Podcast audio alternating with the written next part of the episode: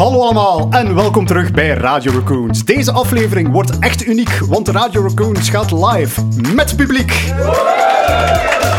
Deze keer hebben we het over toekomstmuziek en de topics zijn alvast klassiek. Generative AI, AGI en Musk, allemaal in één rubriek. Ten slotte ook nog een Curious Raccoon en Watercooler show-off. We gaan beginnen. Onze zaal wordt wat rijmziek. Hallo allemaal en welkom terug bij Radio Raccoons. En het is inderdaad een speciale aflevering, want deze keer hebben we een heel enthousiast publiek bij ons. Oké, bedankt voor jullie enthousiasme. Ehm, het is ook heel speciaal voor mij, want ik heb wel een beetje zenuwen voor deze aflevering. Ik ga mijn best doen. Voor David is het allemaal niet zo speciaal. Die heeft totaal geen zenuwen. Uh, die gaat heel de avond ongetwijfeld vol babbelen. Um, en we gaan het ook heel speciaal maken, omdat we vandaag geen techscoops doen en enkel een deep dive in 2024. We hebben ook wel een Curious Raccoon bij en een watercooler show-off, maar het gaat vooral deep dive zijn. En wat gaan we doen? We hebben um, een paar topics gekozen en daar een paar trends uh, of speculaties aan gekoppeld. en die gaan we even overlopen met jullie. Hè. En om te beginnen uh, gaan we van start met generative AI. Hoe kan het ook anders? Ik denk dat we anders onszelf een beetje zouden verloochenen als we in deze speciale aflevering het een keer niet zouden hebben over generative AI. Maar natuurlijk, als we vooruitkijken naar de toekomst van 2024, ja, dan denk ik dat we er eigenlijk bijna niet omheen kunnen, hè, Daphne? Nee. Als we kijken naar trends misschien, dan lijkt het mij best om te beginnen bij het begin. We gaan, we gaan het meteen wat breder gaan hebben over wat we allemaal gaan doen met die generatieve AI-systemen. Maar om te beginnen misschien de modellen zelf eens gaan bekijken. Sam en Michiel hebben het daarnet, oh ja, voor de mensen die er niet live bij zijn, die gaan dat niet weten, maar er is daar straks al een presentatie geweest over wat er in 2023 allemaal gebeurd is. En spoiler alert, het is ook heel veel generative AI geweest. Het is dan ook aangekondigd. Google heeft bijvoorbeeld onlangs een aantal nieuwe modellen aangekondigd. En ik denk als we naar één trend durven kijken voor het komende jaar, als het op die generatieve AI-modellen aankomt, dan zal het toch wel multimodaliteit zijn. Sam, jij hebt dat woord, dat moeilijk woord al eens gebruikt, hè, dacht ik. Ja, multimodaliteit. Oftewel modellen die eigenlijk veel verschillende soorten media kunnen consumeren en die eigenlijk met elkaar gaan inwisselen. Nu, wat gaat er dan in 2024 allemaal gebeuren? Dat is het vooral. Ik denk, ja, als we zoeken naar waar gaat het meeste vooruitgang geboekt worden in 2024, dan moeten we ook eens gaan kijken naar, ja, waar kan nog het meest vooruitgang geboekt worden? Ik denk dat dat de eerste vraag is die we onszelf moeten stellen. Mhm. En als we dan kijken naar pure tekst, mailtjes, blogjes, whatever gaan schrijven, social postjes gaan schrijven, dan, ja, dan denk ik dat we daar toch al een beetje mhm. op een plateau zitten. Ja. Ik, ik, stuur al mailtjes met ChatGPT, die zijn al best goed. Ik kan me niet voorstellen dat die mailtjes op een of andere manier nog tien keer beter gaan worden of zo. Misschien wat minder clichézinnetjes ja. ertussen of zo, dat kunnen ze nog fixen. Dat dacht je misschien een jaar, ook, een jaar geleden ook al wel. Ja, inderdaad, inderdaad. Dus maar je weet nooit. Ik denk dat we daar toch wel een beetje op het punt van de diminishing returns zitten. Er zullen nog wel verbeteringen aankomen, maar eigenlijk gaan die verbeteringen steeds minder indrukwekkend beginnen aanvoelen. Mhm. Waar zit er dan wel nog veel ruimte? Ik denk ook weer terugverwijzend naar de presentatie van daarstraks. Jullie hebben daar al een demo van gezien. Video video, generatieve video-AI is op dit moment echt wel nog ja, in de kinderschoenen te noemen. Mhm. Opnieuw, we hebben daar straks hier de mensen in de zaal een demootje gezien van een foto van een auto die we dan naar een filmpje van twee seconden hebben kunnen omzetten. En die lijkt inderdaad wel een beetje te rijden. Maar ja, eh, daar hebben we dus nu inderdaad wel een beetje het gevoel, Sam zei het ook al, ja, wij zitten hier te kijken naar wat DAL-I 1 of 2 misschien ooit was. Mhm. Maar in 2024 denk ik dat we daar toch wel wat meer van kunnen gaan verwachten. Ja, en wij denken misschien zelfs dat tegen de zomer wel wat wij nu hebben qua afbeelding generatie, dat dat ook voor video gaat zijn. Ja. Dus dat gaat nog enorm snel dan heel goed moeten verbeteren. Maar wij denken dat het mogelijk is. Wij vertrouwen erop dat OpenAI of Die AI-bedrijven luisteren allemaal naar onze podcast. dat weten we al, die gaan ons niet teleurstellen, Daphne. Ik ben er zeker van. Uh, maar dus inderdaad, ja, wat, wat hebben we nu vandaag de dag al met afbeeldingen? Ook dat is nog niet perfect. Uh, ik weet bijvoorbeeld DALI 3. Waarom is DALI 3 zeer goed? Omdat hij iets beter luistert naar wat je er tegen zegt. Mm. Uh, zeg je bijvoorbeeld, um, ik weet niet, een selfie met een leeuw en een geit of zoiets. Ik heb er al langs een voorbeeld van gezien.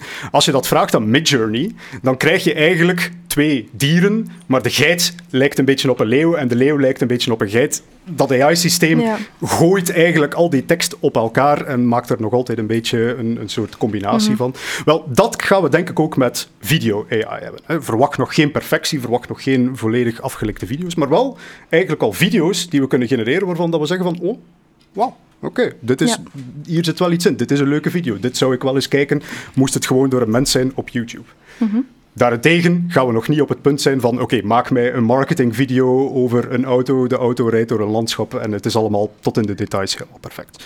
Dus eh, dat is een beetje wat dat we kunnen verwachten van videogeneratie, naar mijn mening, in 2024. Yes. Daarnaast, ehm, waar zit natuurlijk ook nog heel veel uitdaging, dat is in het domein van codegeneratie.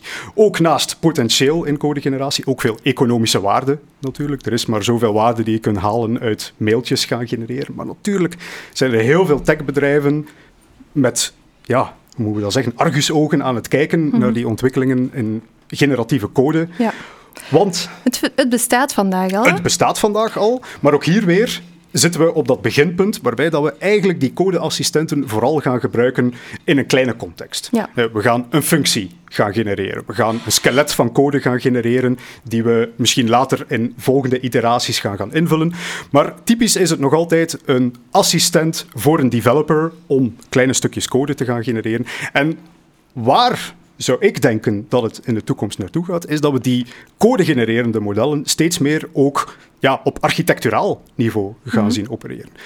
Durven we misschien zelfs stellen dat in 2024 je de eerste proof of concept versie van een applicatie gewoon helemaal door generatieve AI zou kunnen laten genereren? Gaan wij onze developers dan nog nodig hebben? Sorry, mannen. Nee.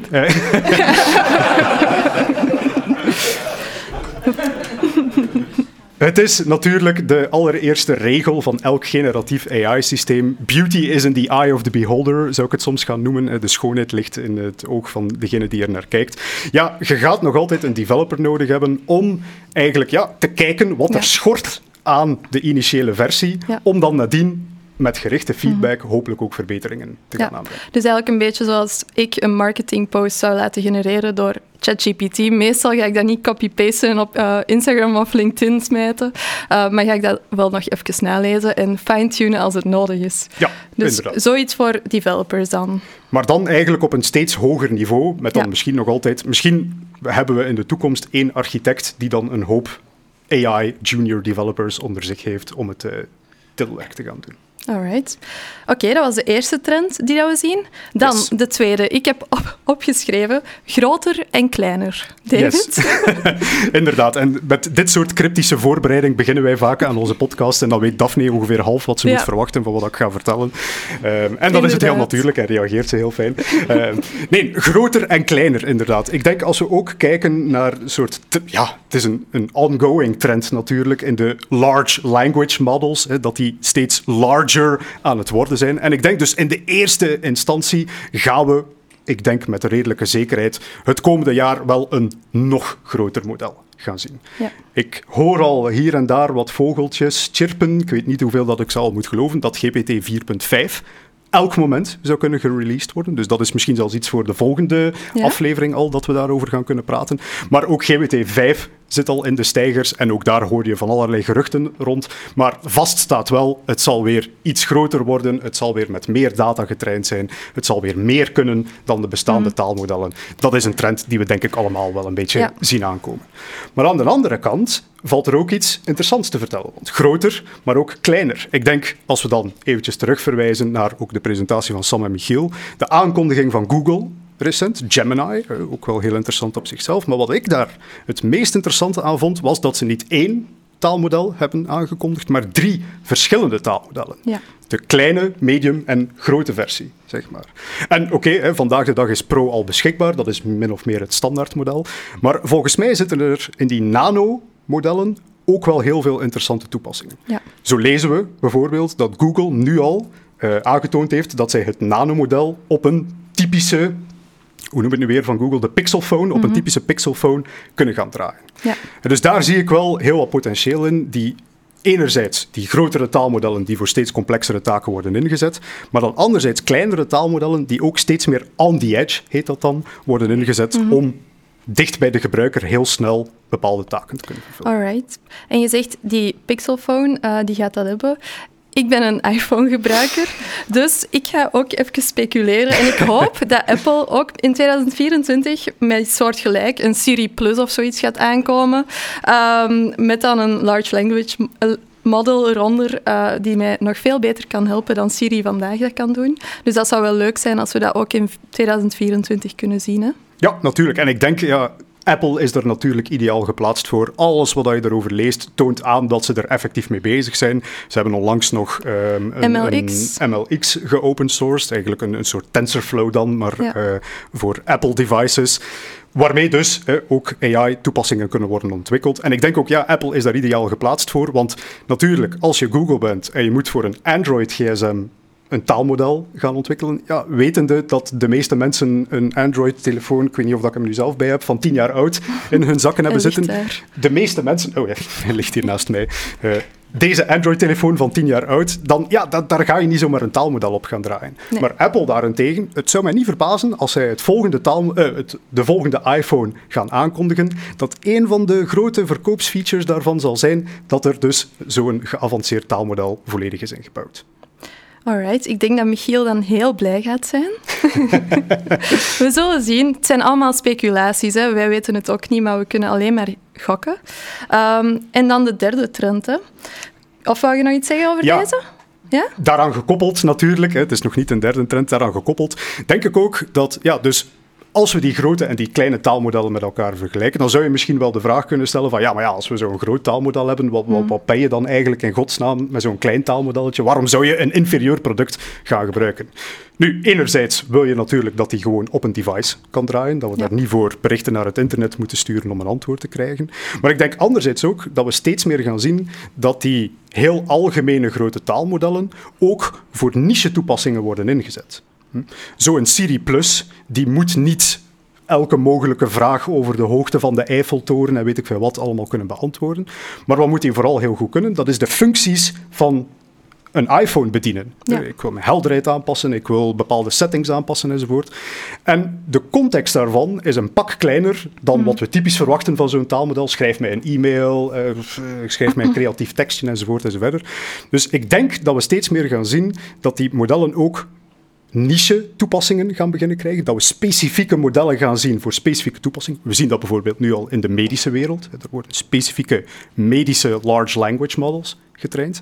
Dat die steeds meer niche gaan worden. Maar, en dan durf ik ook al eh, een voorspelling doen voor het einde van 2024, dan zie ik ook net zozeer weer gebeuren dat eens dat die niche-modellen heel veel zijn geprolifereerd, dat daar opnieuw weer een grote aankondiging gaat komen van een GPT-5 of 6 tegen dan zelfs al, die al die modellen ook weer overklast in hun capaciteiten. Dus we gaan van generalisten naar specialisten en dan weer terug naar generalisten. Alright. We zullen zien. Yes. Wou je daar nog iets over zeggen? Of gaan we Nu naar ben ik helemaal klaar. Nu kunnen we naar de derde trend gaan. Alright. Ik heb opgeschreven closed versus open source. Yes, eh, want ook daar natuurlijk eh, valt wel het een en het ander over te zeggen. Vandaag de dag, eh, als we kijken, zijn er, ik denk dat we vandaag terug mogen zeggen, twee serieuze spelers in de generatieve AI-wereld. OpenAI langs de ene kant, Google Ja. langs de andere. Amazon zweeft soms ook nog een keer ergens rond in die Ja. sferen, maar goed. Die eh, de- domineren wel echt. Hè. ja, die twee partijen zijn vandaag echt wel ja, de, de, de leidende partijen op het vlak van generatieve AI. Maar wat is natuurlijk de grote tekortkoming bij beide van die partijen, is namelijk dat ze, en ook al beweert Google een beetje het tegendeel, is dat zij wel die modellen closed source willen gaan houden. Kleine disclaimer natuurlijk. Google stelt dat beschikbaar op een platform. Je kunt ze gaan bijtrainen, dus je kan er eigenlijk heel veel mee. Maar die modellen zelf gaan downloaden, daar zelf iets mee gaan doen, daar zelf mee gaan experimenteren, dat lukt helaas niet. Nee. Dus vandaag de dag, eh, het, is, het is een trend die ingezet is door OpenAI, het bedrijf met de meest ironische bedrijfsnaam ooit, want eh, zij zijn nu helemaal, Helemaal closed niet geworden. open. Ja, um, helaas. Het is een trend die ingezet is door OpenAI, maar die ook steeds meer ja, aan het afbrokkelen is, durf ik toch wel zeggen. Hè. Steeds meer open source taalmodellen die toch wel mhm. langzaam maar zeker de gap tussen closed en open source aan het sluiten zijn. En ik denk als we bijvoorbeeld ook weer kijken naar een recente aankondiging, Mistral mhm. hè, is, is de laatste tijd toch wel uh, heel veel in het nieuws gekomen, omdat zij zichzelf een beetje profileren als een soort anti-OpenAI. Eh, ze zouden het closed AI kunnen noemen, om dan terug weer te kunnen gaan schertsen naar OpenAI. Maar zij zijn net radicaal open. Ja. Eh, ik heb een Twitterbericht gelezen van, ah, maar kijk, in uw terms of conditions staat er dat je uh, Mistral uh, taalmodellen niet mocht gebruiken om andere taalmodellen te, aan te leren. Ah, zegt de CEO van Mistral, oké, ik heb het aangepast in de terms and conditions, voilà, vanaf nu mag ja. het gewoon wel en dat is een totaal andere aanpak natuurlijk. Dan vraag ik mij wel af hoe dat die een revenue gaan blijven behouden. Allee, waar is die een business model dan op gebaseerd? Moest je het aan mij vragen natuurlijk, kijk naar OpenAI. Die zijn gelijkaardig begonnen. Die zijn ook gewoon begonnen met een modelletje op het internet te smijten en dan te zien van, kijk, wat doen mensen daar allemaal mee? Vandaag de dag is dat een platform. Ja. En ik denk daar, dat is misschien een beetje de droom van al hmm. die... Uh, ja, recent opgerichte AI-startups. Van kijk, vandaag de dag gaan we modelletjes gaan trainen, we gaan die gratis gaan weggeven. Maar stel dat wij ooit een belangrijke speler worden in die markt, wel, kijk, dan kunnen wij daar uh, een platform op gaan bouwen en dan gaan mensen dat ook willen gebruiken. Kijk bijvoorbeeld naar Stability AI, mm -hmm. het bedrijf achter Stable Diffusion, achter Stable Diffusion Video. Zij doen iets gelijkaardigs. De nieuwste modellen zijn beschikbaar op Dreamboot, een platform van Stability AI zelf. Dus ik denk daar zit zo'n beetje die vermarkting in. Anderzijds mogen we ook gewoon realistisch zeggen, die, die mannen worden gevoed met miljoenen aan uh, ja. start-up, uh, Silicon Valley start-up funding. funding. Dus die hebben zoiets van, ach, dat zien we binnen tien jaar wel of dat we ooit een cent daarmee verdienen. En tegen dan zijn we misschien al lang uitgecashed. Uh, dat is misschien nog een vermoeden. We zullen het volgend jaar misschien zien. Um, nu, we hebben heel veel trends in de technologie specifiek bekeken. Maar ziet je ook trends ja, over ons. Hoe gaan wij die technologie gaan gebruiken? Hoe gaat de gemiddelde mens op het einde van 2024 gebruik maken van generative AI? Oké. We moeten dus inderdaad een beetje een onderscheid maken. Enerzijds tussen de gemiddelde mens, de man op de straat bij wijze van spreken, wij met onze smartphone en wat we kunnen doen. En misschien hoe bedrijven daarmee aan de slag kunnen gaan. Hè. Ja. Als we beginnen inderdaad met de gemiddelde mens, die gewoon rondloopt. Ik denk het goede nieuws is die AI-modellen die komen naar u toe. Ik denk niet dat je daar nog vreemd naar moet op zoek gaan naar AI-modellen, dat je eh, obscure start-ups moet gaan vinden en u dan moet gaan inschrijven. Die AI-modellen die gaan naar u gepusht worden, bij wijze van spreken. En Kijk, je gaat het niet eens doorhebben of... Kijk bijvoorbeeld in de eerste plaats naar die smartphones, hè, waar steeds meer generatieve AI-functionaliteiten in geïntegreerd gaan worden. Denk bijvoorbeeld ook weer een online, de techscoops, ik ben ze er toch stiekem in aan het verwerken, Daphne, ik kan het niet laten. Um, maar als we bijvoorbeeld kijken, een recent bericht van Dropbox. Dropbox is uh, een beetje negatief in het nieuws gekomen, omdat zij generatieve AI-functionaliteit hebben geënabled en ze hebben het aan niemand gezegd. Oh. En iedereen dacht van, oh, oh, wat gebeurt er hier met mijn data? Waar gaat die naartoe? Want ze spreken effectief wel over een derde partij die het generatieve AI-liftwerk doet, bij wijze van spreken. Dus ja, iedereen even in paniek van, oh, oh, oh, waar komt dat vandaan? Er is daar helemaal niet over gecommuniceerd. En ik denk dat we dat ook echt wel in 2024 mogen verwachten. Plots gebruik je een tool en plots zit daar generatieve AI in. En voilà. Ja, we zullen zien wat de EU-AI-act misschien nog gaat zeggen, uh, want daar wordt nog een tekstkoop in januari natuurlijk op gestemd. Ja. Um, dus of dat nog zomaar mogelijk gaat zijn om dat onder de radar te gaan doen, dat weet ik wel niet. Het zal, uh, er zal veel te maken hebben met het hele persoonsgegevens uh, feitje. Als jij dus inderdaad op Dropbox eigen bestanden bewaart, dan zijn dat persoonsgegevens en dan komen daar allerlei moeilijke uh, conclusies bij. Ja. Ik denk ook, trouwens, als we dan inderdaad spreken over die, het wordt steeds meer geïntegreerd, het wordt steeds meer naar u toegebracht. Ik denk 2024 wordt ook echt wel het jaar van de generatieve AI UX. Lessen die we gaan leren, bij wijze van spreken. De user experience bij het gebruiken van generatieve AI-systemen, dat is vandaag de dag eigenlijk nog een beetje het Wilde Westen. Vandaag de dag heb je ook een beetje twee flavors. Eh, ofwel heb je de volledig losstaande generatieve AI-systeem, ChatGPT, een venstertje, je kan er iets tegen zeggen en dan moet je maar copy-pasten om het allemaal op de juiste plaats te gaan krijgen. Of aan de andere kant heb je dan bijvoorbeeld Copilot, mhm. een systeem die heel erg geïntegreerd zit in de user interface van de applicatie zelf, maar waarbij dat het conversationele dan ook een beetje ontbreekt. Eh, ik weet bijvoorbeeld bij Copilot in Word, mm kunt je nu zeggen van, hey, herschrijf dit stukje voor mij. Maar als het niet goed is, dan zit je vast. Hè? Dan is het van, ah ja, jammer, en nu ga ik dan maar zelf een beetje gaan schrijven, zeker. en dat is denk ik iets waar we of nog naar een ChatGPT gaan. Of naar ChatGPT Ja. gaan, inderdaad. Hè? Maar dat is iets, die, die soort hybride, Ja. die moeten we nog een beetje juist krijgen in de komende maanden. En ik denk ook echt van de, de grote generatieve AI-startup op het einde van 2024 zal een start-up zijn die vooral daarop Ja. heel sterk heeft Die heel goed is in UX. Want ik heb ook inderdaad het gevoel van het is zo snel gegaan dat daar misschien nog niet genoeg UX-werk aan gedaan is. En dat misschien bedrijven zoals Raccoons daarvoor kunnen instaan van we gaan eens nadenken over hoe gaan we dat aan onze gebruikers eigenlijk het beste kunnen aanbieden.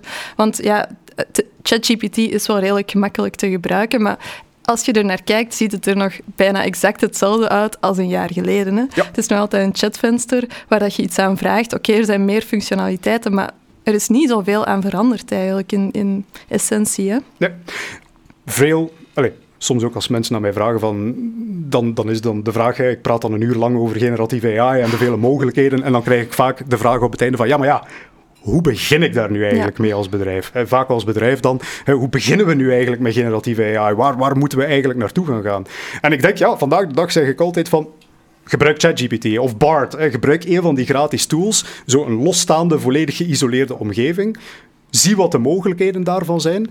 En typisch, de eerste use case die je dan wilt gaan aanpakken, is de use case waar je dan op het einde zegt van, god, maar ik heb wel nog veel moeten kopiëren en plakken. Mhm. Ik heb nog veel van het een naar het ander moeten gaan, ik heb daar feedback aan moeten geven. Een van de meest voor de hand liggende use cases is dan altijd, neem ChatGPT en bouw het in in een bestaande applicatie, zodanig dat je eigenlijk al minder heen en weer werk moet gaan. Ja.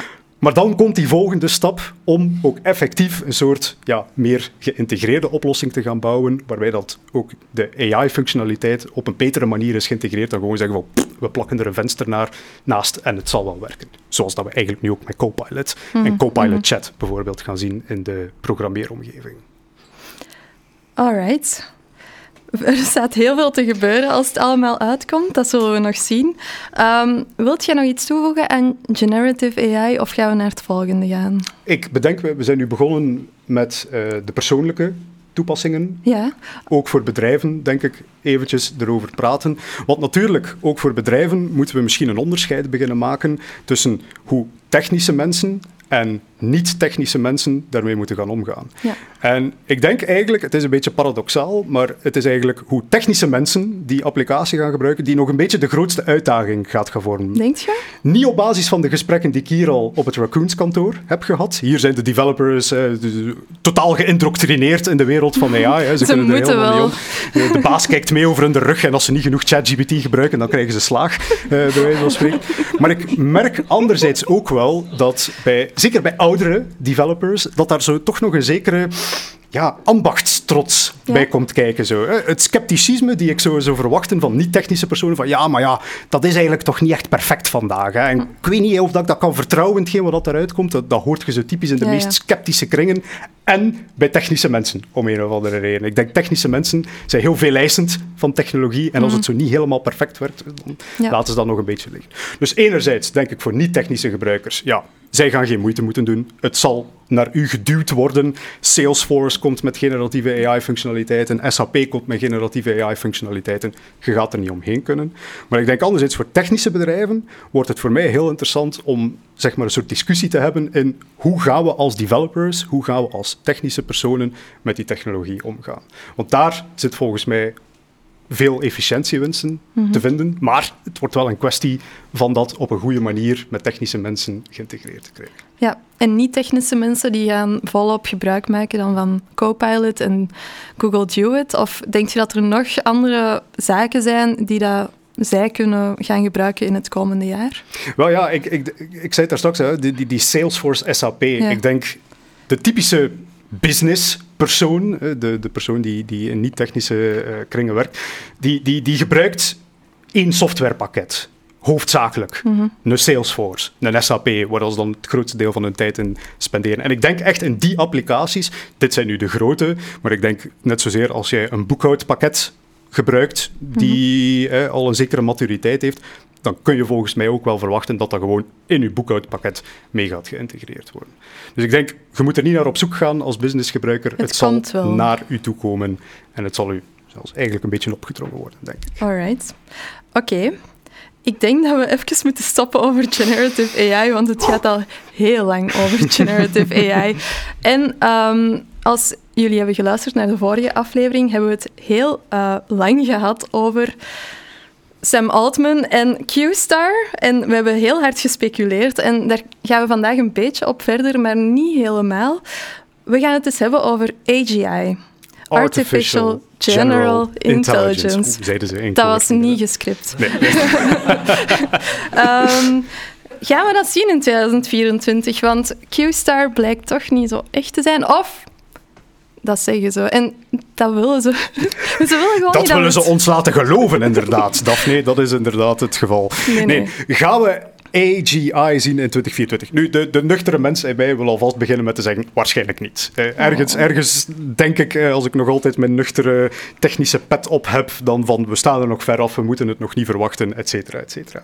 Maar ik denk, ja, we, we kunnen daar anderzijds ook wel een, een, een, aantal bedenkingen bij plaatsen. Ik denk eerst en vooral, um, zelfs al zou het gebeuren, in 2024. We gaan dat nog niet in 2024 zo benoemen. Mhm. Ik denk, misschien gaan we binnen 20 jaar terugkijken op een bepaald jaar en zeggen. Toen was het er. Zo, toen we hadden het helemaal niet door, maar het was er gewoon al. En wie weet is dat ChatGPT of zo. Hè? Allee, misschien was dat de eerste stap. Hè? En weten we het gewoon nog niet wie weet wat dat er allemaal in de kelder daar draait, eh, wat, wat, dat echt AGI zou kunnen gaan zijn. Maar ik denk, zelfs al hebben we iets waarvan dat de, de, zelfs de meest sceptische mens zou nu moeten claimen van oh ja, dit is inderdaad artificial general intelligence. Als ze ermee geconfronteerd gaan worden, dan zal er nog altijd discussie zijn over het feit van ja, maar is dit nu wel echt artificial? Mm. Er komt geen eenduidig punt waarop dat we gaan kunnen zeggen. We gaan erover discussiëren tot in de oneindigheid. Ik denk binnen 100 jaar gaan we artificial superintelligence hebben en gaan mensen nog altijd aan het discussiëren zijn of dat dit wel echte intelligentie is. Ja, er zullen altijd non-believers zijn dan. De non-believers zullen er inderdaad altijd zijn. Dus we, we kunnen het niet echt pinpointen. Mhm. En ik denk ook, ja, um, inderdaad, we moeten misschien eens even gaan babbelen over Q-Star. Kleine... Um, hoe moet ik dat zeggen, praktische voetnoot die we moeten gaan plaatsen bij het speculatiewerk van vorige, vorige keer, is natuurlijk wel dat er nu ook berichten uitgekomen zijn dat het helemaal niet zo spannend zou zijn. Dat het helemaal niet over Q-Star zou gaan draaien, Artificial General Intelligence, de kelder van OpenAI. Maar dat het eigenlijk gewoon een heel bazaal interpersoneel conflict is. Ja. Uh, Sam Altman die achter de rug van iemand anders iemand wil laten ontslaan en mensen zijn kwaad geworden en drama, bij wijze van spreken. Ook juicy, maar niet zo juicy. Juicy, maar ja, voor de AGI-complotdenkers natuurlijk een pak minder interessant. Maar, maar, nu zet ik terug mijn uh, uh, samenzwering, oh, AGI-samenzweringshoedje op. Dat is natuurlijk exact wat ze zouden zeggen, denk ik. Dat is exact wat ze zouden zeggen. Nee, nee, nee, nee, nee, nee, nee, nee. Niets, niets om te zien hier. Uh, we hebben geen artificial general intelligence in onze kelder. Het was maar een persoonlijk conflictje. Ja, ja. nothing to see here, move Echt on, please. Echt gebeurd, hoor. En als ik dan helemaal, hè, als ik dan oh, helemaal mijn, mijn, mijn petje aandoe, bij wijze van spreken. David wordt heel excited. Ja, ja, ja, als het over AGI gaat, dan spring ik bijna uit mijn stoel, bij wijze van spreken. Um, om, om dan helemaal de, de conspiracy theory in te gaan. Hoe zou het dan gaan? Stel je voor, inderdaad.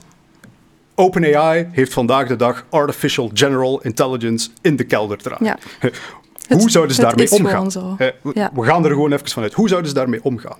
Ik denk inderdaad, je kunt het niet zomaar aankondigen. Nee, zo. Je kunt niet zomaar zeggen, hey, het, is, hier, uh, bij wijze van spreken. Uh, er is een moraalfilosoof, Sam Harris, zeer interessant om eens op te gaan zoeken op YouTube. Ik denk dat ik hem al nog eens uh, heb vermeld. Die, die ooit zei van, ja, wat doe je als China als je hoort dat er een bedrijf in Silicon Valley Artificial General Intelligence heeft ontworpen? Zijn conclusie was kernbommen lanceren moraalfilosoof. Okay. Uh, Laten we hopen dat ze het niet aankondigen morgen dan. Want wat was inderdaad zijn punt? En ik denk, waar is iedereen ook echt naar op zoek als het gaat over artificial general intelligence? Wat willen we in de eerste plaats gaan maken? Dat is een AI-wetenschapper. Ja.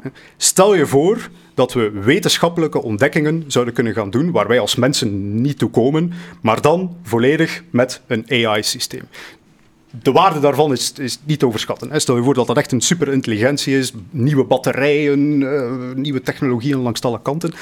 Je kan daar niet zomaar mee naar buiten komen als OpenAI-bedrijf met, met een uh, artificial general mhm. intelligence in je kelder. Dus wat doe je in de plaats dan, volgens mij, als uh, OpenAI? Wel, in de plaats daarvan laat je hier en daar wat start-upjes starten. Waar dat je dan natuurlijk in investeert, omdat je gelooft in het goede idee. Maar eigenlijk, eigenlijk zijn dat allemaal AI-ideeën dat je dan vermarkt onder start-upjes. Ja. Dus AGI heeft die verzonnen, die is erop gekomen en dan zegt je tegen wat mensen van doe alsof dat jij het Hier, hebt hier een patentje, hè, maak er een start-up mee, we steken er een paar miljoenen en voilà, we zijn vertrokken. Ja, en over een paar jaar zeggen ze dan, ah, het was eigenlijk ons model daar dat Ja. het heeft verzonnen. Wel, dat moeten ze zelfs niet zeggen. Wie weet hoe lang dat ze het in, zijn, in de kelder kunnen blijven bewaren. Maar ze kunnen er wel hè, het Zou geld van beginnen opvallen? opscheppen. Wel, laat nu toevallig... Laat nu toevallig... Mijn conspiracies zijn altijd Oh, een nee, beetje, nog altijd een beetje gevestigd in de waarheid, natuurlijk, in de realiteit. Laat nu toevallig blijken dat meneer Sam Altman onlangs geïnvesteerd heeft in een kernfusie-startup. Hmm, de heilige graal van de energieopwekking. Is het van een start-up of is het van de General Intelligence in de kelder van OpenAI? Dit is trouwens echt speculatie. dus- Ja, voor de duidelijkheid, voor de duidelijkheid ehm, ga, ga geen investeringsbeslissingen doen op basis van het gespeculeren hier. Nee, echt Eh. absoluut niet. Maar het is wel een interessant gedachte-experiment. Ziezo. En als het later blijkt dat ik toch gelijk had, dan ga Ja. ik hier naar terug verwijzen en zeggen van Ja. kijk, eh, zie eens En wat een visionair. 80 mensen die kunnen bewijzen... 80 getuigen bij deze, maar ja, Ja. het wordt ook opgenomen, Ja, dus eh, deepfakes kunnen veel tegenwoordig. Ja, maar waar. Ja, deepfakes inderdaad. Wij kunnen zeggen van... Alleen mensen kunnen zeggen van dat was niet echt, hè, die, deze e- episode. En dan kunnen wij zeggen, nee, er zaten 80 mensen te kijken, dus... Ja, voilà. Straks komt de notaris langs om jullie allemaal te laten tekenen. Ja, die je present. lijst dat je hebt moeten ondertekenen.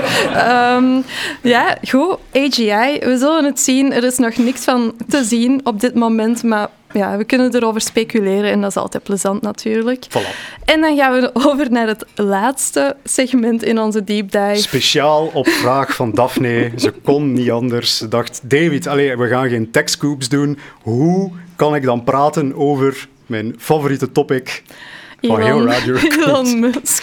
Elon Musk, inderdaad. is- De Musk-date. Dat is echt de Musk-date. Het is echt uit de hand gelopen. Ik ben helemaal geen fan van die mens of zo, maar David wil altijd dat ik die nieuwtjes breng. Ik wil, ja, ja, ja. ja. Hij is zegt. Daphne, jij moet die dingen zeggen. Ik wil dat helemaal niet zeggen. En uiteindelijk ben ik precies de opperfan van Elon Musk, wat dus niet zo is. Ehm, maar ik denk dat die mens volgend jaar wel weer gekke dingen gaat doen. Hij, hij komt elke, elke dag bijna in het nieuws. Hij doet heel veel. En het kan niet anders dat hij in 2024 nog een paar zaken gaat, gaat realiseren, zal ik maar zeggen. Ja. En we hebben er twee opgelijst dat wij denken dat zeker nog gaan gebeuren. Ehm, het eerste is dat... het, was een, het was van David eigenlijk. Ehm, dat hij Grok, dat is het eh, Large Language Model van... eh, van, Van de, X, ja, van- Nee, niet van X, van de, van de Eh, startup, ja. de AI-startup. Is het niet x.ai? Ja, dat zou kunnen. Het is allemaal Ehm, x. Ja, het is allemaal X. Dat Grok dus in Twitter of X zou ingeplucht worden. Dus dat je een Twitter eh, of een tweet of een X, of hoe Ja, heet dat tegenwoordig? Ik weet het niet. Dat je dat zou kunnen plaatsen en dat er dan niet per se echte mensen zouden reageren op je post, maar dat er ja, bots eigenlijk gaan reageren op je post om de conversatie te stimuleren. Voilà. Ik denk Ja. dat een, een kapitalistisch ingestelde miljardair zoals Elon Musk een Enerzijds heeft hem een taalmodel in handen, anderzijds heeft hem dalende gebruikerscijfers van X in handen. Waarom lossen we het een Ja. niet met het andere op en laten we mensen gewoon tegen elkaar praten? En ik, ik, ik kan me al perfect voorstellen hè, dat, dat Elon Musk, Elon Musk hè, is een beetje de alt-right kant aan het opgaan, zo, zo, de, de, de rechtse filosofie eh, aan het aanhouden. En iets zegt mij dat hij dat gaat binnenbrengen onder het mom van, eh, hoe noemen we dat nu weer, die bubbels eh, doorbreken. Ja. Dat heeft zo'n naam. Hè? Oh, ja, ik kom er ook niet op. Contextbubbles, f- de filters, ja, inderdaad, filterbubbles. Eh, de, de mensen die zich alleen maar in hun eigen community begeven en alleen maar tegen mensen praten die hen gelijk geven, dat gaat Elon Musk willen doorbreken. Waarschijnlijk alleen maar met alt-right standpunten. De omgekeerde kant zal hem iets meer ongemoeid laten. Eh, maar, maar daar zal hem dus eigenlijk een bijna quasi-trollbot gaan bouwen die Ja. mensen gaat gaan engageren op zijn platform. En uiteindelijk zit er niemand meer op X en gaan alleen En zijn maar het gewoon bots bots die tegen elkaar aan Ja. het praten zijn. En dat kan misschien ook nog iets interessants zijn. Dan het tweede, iets waar dat jij heel enthousiast over wordt. Ah, de ruimtestuff natuurlijk, denk ik. Ja, we hebben er een beetje over zitten debatteren. Hè. Moeten we een apart ruimtesegment, maar ik die ja, een half uur praat over ruimteshit, daar zit niemand op te wachten, denk ik. Maar hè, als we dan toch één voorspelling mogen doen, één positieve voorspelling ook over Elon Musk, één iets die ik er echt wel zie aankomen in het komende jaar, is een vlekkeloze lancering van Starship. Ja. Als we één positieve voorspelling mogen maken, laat het dan misschien toch wel de die zijn, want eh, los van de persoon Elon Musk, er zijn toch wel heel veel bedrijven, heel veel organisaties aan het wachten op de succesvolle lancering ervan. Dus goede Ja. hoop. Go, go, Elon.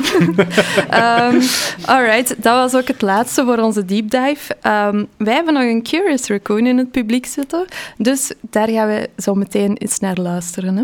Yes. Alright, tijd voor onze Curious Raccoon. Hans, die had drie vragen doorgestuurd naar mij.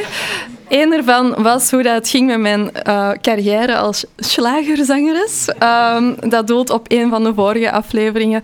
Ik moet zeggen dat ze er nog niet mee begonnen zijn, denk ik. Dus eh, ik denk dat die momenteel op een laag pitje staat. Ehm, maar we gaan ook een andere vraag laten voorlezen door Hans. Ehm, voor de mensen thuis gaat dat niet super helder klinken, dus ik ga ze na zijn nadat hij zijn vraag heeft gesteld nog eens herhalen. Ja, ik zie allemaal coole technologie hier, eh, maar sommige grote corporates die blokkeren de toegang tot ChatGPT op het netwerk voor de eigen medewerkers. Ja. Dan wordt er geciteerde risico's als eh, ja, copyright schendingen of het overnemen van onveilige of oncorrecte data of code zelfs, het lekken van confidentiële data of persoonlijke gegevens.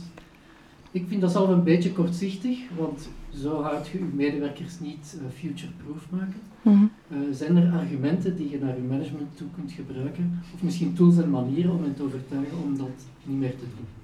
Alright, dus de vraag van Hans was: hoe kunt je je management ervan overtuigen om, als ze ChatGPT blokkeren, het toch ja, vrij te stellen voor werknemers? Ja, inderdaad.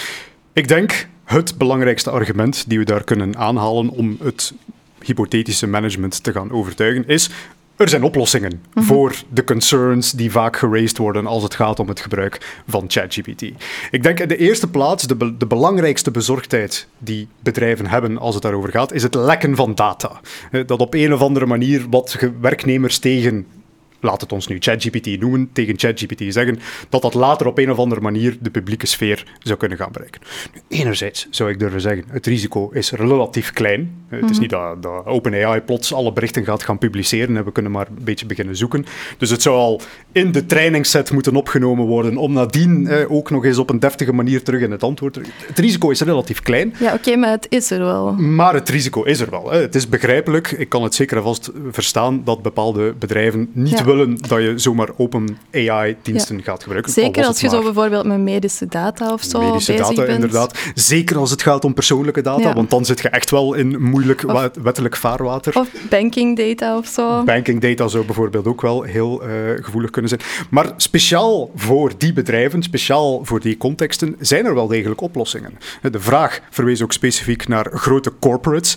Wel, ik denk speciaal voor hen heeft OpenAI ChatGPT Enterprise ontwikkeld. Een volledig geïsoleerde omgeving waar je eigenlijk met ChatGPT kunt gaan praten in dezelfde interface als wij gewone stervelingen dat doen, maar dan zonder het risico, allee, met de garantie van OpenAI dat niets van die data gebruikt wordt of eh, gebruikt wordt om het AI-systeem te trainen of Mhm. Ja. publiekelijk zal worden gemaakt. Maar dat kost waarschijnlijk ook wel veel geld. Het kost natuurlijk wel een goed zijn. Je betaalt voor het privilege, bij wijze Ja. van spreken, dat men uw data niet gaat gaan gebruiken. Het is misschien ook wel een lesje dat wij als consumenten eruit moeten gaan trekken. Eh, wij- betalen tien keer minder, maar ze mogen wel onze data gebruiken. Zegt u iets over hoeveel Ja. die data eigenlijk precies waard is?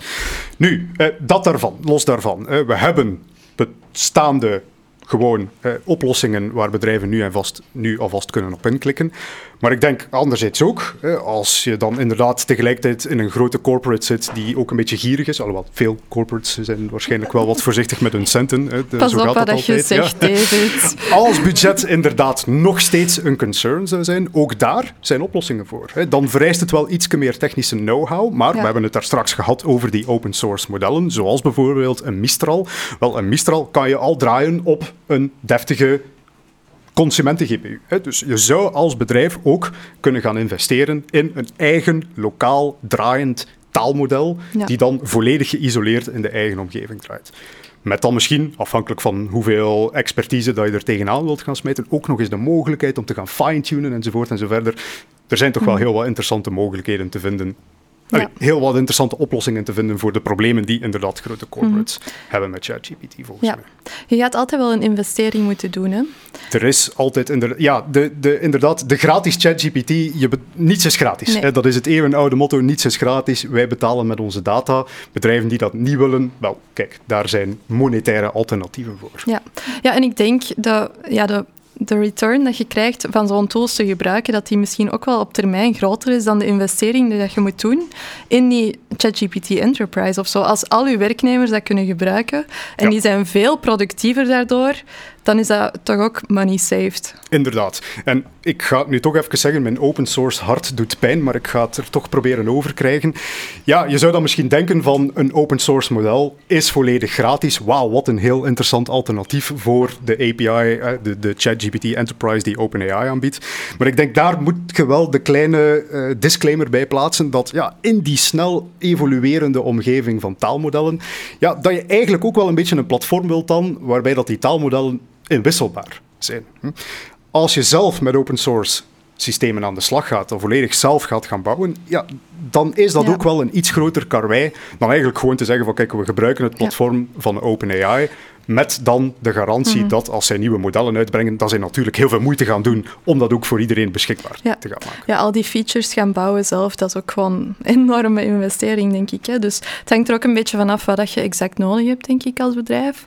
Ehm, maar ja, ik, ik weet niet, hebben wij nog argumenten ervoor? Nu, daarnaast, hè, plus het feit van er zijn oplossingen voor de meest voorkomende bezwaren, denk ik dat er ook wel gerust aandacht mag gevestigd worden op de productiviteitswinsten die er zijn. En misschien ook anderzijds een belangrijk argument om aan te halen is van als je het niet toelaat en reguleert, gaan mensen het stiekem doen. Ik denk dat dat een beetje het probleem is die veel bedrijven hebben van, van oké, ja, ik moet hier even een mail gaan schrijven. Er is daar zo'n venstertje die open staat waar ik het heel gemakkelijk in enkele seconden kan gaan realiseren. Of ik kan luisteren naar de compliance officer en alles mooi zelf gaan uittypen.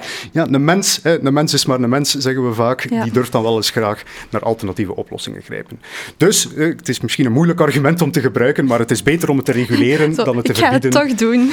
Zo, ja, ik ga toch niet luisteren, dus uh, je mocht kiezen wat je doet, uh, bij wijze van spreken. Dat is misschien ook nog een soort ultimatum argument. Ik weet niet hoe goed dat je overeenkomt met je management, Hans, maar je zou het wel eens kunnen proberen.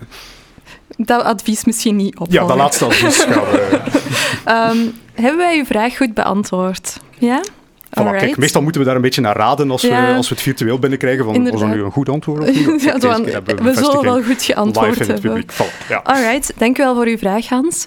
Um, en dan gaan we nog naar het laatste segment, de Watercooler Show-Off. Alright, en dan is het nu nog tijd voor de Watercooler Show-Off. Deze keer, Daphne, wil ik u graag een vraag stellen. Oké. Wat moeten wat moeten mensen doen om u zo goed mogelijk te laten werken, Daphne? Als ze iets vragen aan u, hè, hoe moeten ze dat dan vragen om een zo goed mogelijk resultaat te krijgen? Ze zijn, Sam en Michiel zitten hier, dus het is nu even de moment. Moet ik zeggen hoe dat echt gaat of hoe dat ik het wens?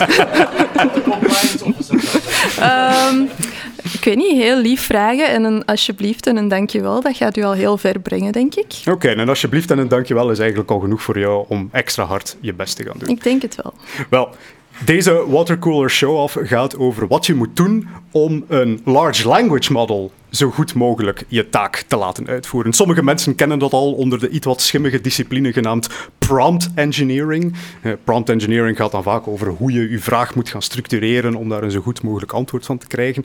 Maar ik, ik ben ze hier nu eventjes allemaal aan het bundelen. Ik ben de afgelopen weken ook al heel wat interessant onderzoek eh, tegengekomen over hoe taalmodellen gemotiveerd kunnen worden of gedemotiveerd kunnen worden om goede output te gaan produceren. En daar zitten toch wel wat interessante zaken tussen.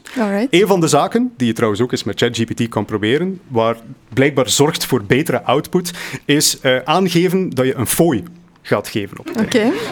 Dus inderdaad, in het vervolg, als je, als je iets wilt vragen aan ChatGPT, zeg dan van, kijk, en als je het goed doet, dan krijg je van mij 100 dollar fooi. Alright. En dan komt daar effectief Krijg je dan ook een. QR-code van eh, ChatGPT?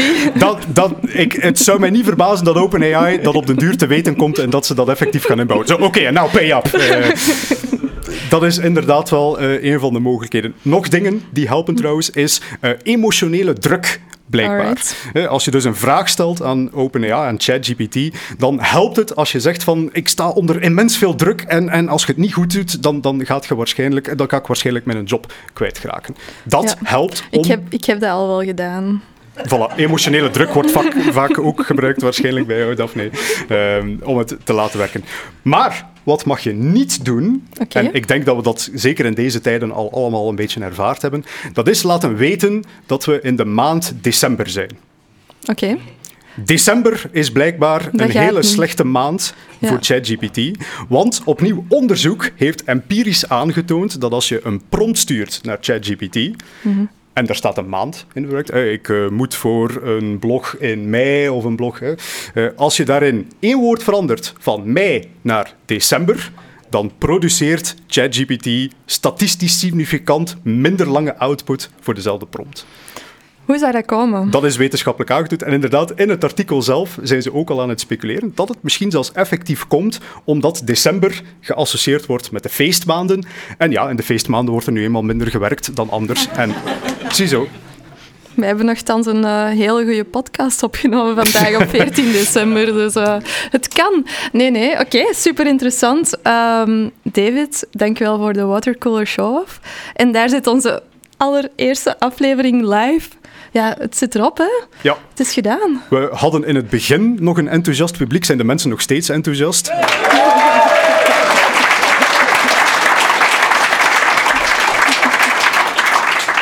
Bedankt daarvoor, helemaal niet geforceerd. Alright, nee, dank jullie wel allemaal om zo aandachtig te luisteren. En ehm, wij hebben ook kerstvakantie, dus wij zijn op 3 januari... Wij nemen op 3 januari terug op, dus 5 januari komt de volgende aflevering terug online. En dan gaan we gewoon twee wekelijk, wekelijks verder in 2024 en gaan we zien welke van onze voorspellingen effectief gaan uitkomen. Ja, Ik ben alvast benieuwd. ik ook. Tot de volgende. Eh oui.